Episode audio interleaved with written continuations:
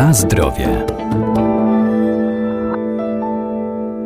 Kawa ma niepowtarzalny smak i wbrew powszechnej opinii to prozdrowotny produkt. Dostarcza wielu cennych substancji biologicznie aktywnych, m.in. polifenoli, które redukują negatywne skutki wywołane stresem, opóźniają procesy starzenia i hamują powstawanie czy rozwój stanów zapalnych. Jednak nie dla wszystkich jest wskazana. Co jeszcze warto o niej wiedzieć?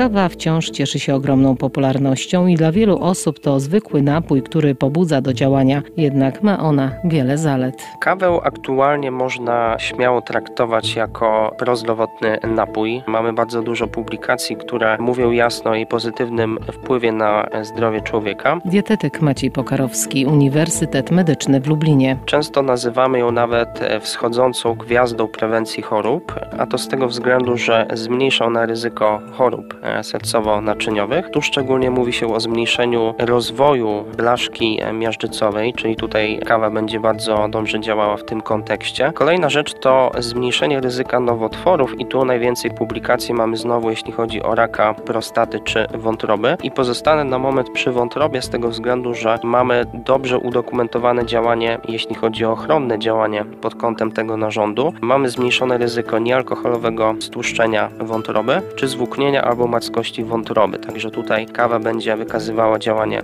bardzo korzystne. Dodatkowo mamy zmniejszenie ryzyka występowania cukrzycy typu drugiego oraz e, myślę, że dosyć e, mocno znana właściwość kawy, czyli poprawa takich funkcji poznawczych, poprawa koncentracji pracy mózgu, no i przede wszystkim też e, ochrona przed chorobami neurodegeneracyjnymi, czyli choroba Parkinsona albo Alzheimera. Dodatkowo warto zwrócić uwagę również na publikacje w kontekście depresji i tu w zasadzie też trzeba zwrócić uwagę, że kawa znajduje się w piramidzie zdrowego żywienia i aktywności fizycznej. Mamy o niej wspomniane w kontekście również talerza zdrowego żywienia, także dietetycy i specjaliści często kładą nacisk na to, żeby po prostu pić kilka filiżanek kawy dziennie, po to, żeby zmniejszać ryzyko tych wszystkich chorób, o których wspominałem. Kolejna rzecz to na pewno e, odpowiedź na pytanie, skąd takie działanie kawy. Ano przede wszystkim stąd, że mamy wiele antyoksydantów, antyoksydantów, e, takich związków w kawie, które będą neutralizowały wolne rodniki i stany zapalne, dzięki czemu organizm może radzić sobie z wieloma stanami zapalnymi, które potencjalnie mogą prowadzić do wielu chorób.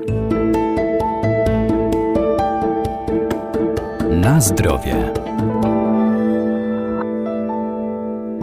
Mimo tak wielu zalet, niektórzy powinni z picia kawy zrezygnować. Często pojawia się też pytanie, czy kawa może być wypijana przez osoby z nadciśnieniem tętniczym, z chorobami serca. Prawda jest taka, że najważniejsza jest indywidualna tolerancja na kofeinę e, i tak naprawdę w momencie, kiedy osoba źle toleruje tą kofeinę i nawet nie ma nadciśnienia tętniczego, nie ma chorób serca, pojawia się na przykład nadpobudliwość, czy po prostu tachykardia, przyspieszone bicie serca, no to wtedy należy zrezygnować zrezygnować z picia kawy, chociaż bardziej chodzi tutaj o kofeinę i nadal można korzystać z opcji bezkofeinowej i dostarczać sobie wartościowych związków, które w kawie będą zawarte. Także pamiętajmy, że chodzi w głównej mierze o samą kofeinę. Natomiast mamy też metaanalizy, które jasno udowadniają, że nie ma związku między spożyciem kawy, takim codziennym rytuałem picia kawy, ze zwiększonym ryzykiem występowania nadciśnienia tętniczego. Także jeśli nie ma ewidentnie takiego związku między tym, że źle tolerujemy kofeinę, to wtedy nie ma jakby sensu, żeby z tej kawy rezygnować, nawet jeśli mamy nadciśnienie tętnicze. Bardziej jest to blokada już na poziomie trochę tej psychiki i utartego mitu, że kawa zawsze będzie podnosiła wartość ciśnienia tętniczego krwi. W tym wypadku można zdecydować się na tą opcję po prostu bezkofeinową. Mimo wszystko też należy zwrócić uwagę, że kiedy mamy choroby przewodu pokarmowego, chorobę wrzodową, chorobę refluksową przełyku, czy jakieś zaburzenia żołądkowo-jelitowe, kawy pić raczej nie powinniśmy, ponieważ ona będzie pobudzała trawienie, pobudzała wydzielanie soków żołądkowych, a my nie chcemy dodatkowo tego typu sytuacji, kiedy mamy problemy z chorobami przewodu pokarmowego. Jeśli pijemy też już zdecydowanie za dużo tej kawy, pamiętajmy, że mimo wszystko ma ona potencjał wypłukujący w cudzysłowie magnez oraz wapń i w momencie, kiedy mamy niedobory w diecie co do wapnia i magnezu, dieta jest zbyt monotonna, no to dodatkowo kawa niestety zwiększa ryzyko niedoborów co do tych ważnych witamin i minerałów minerałów.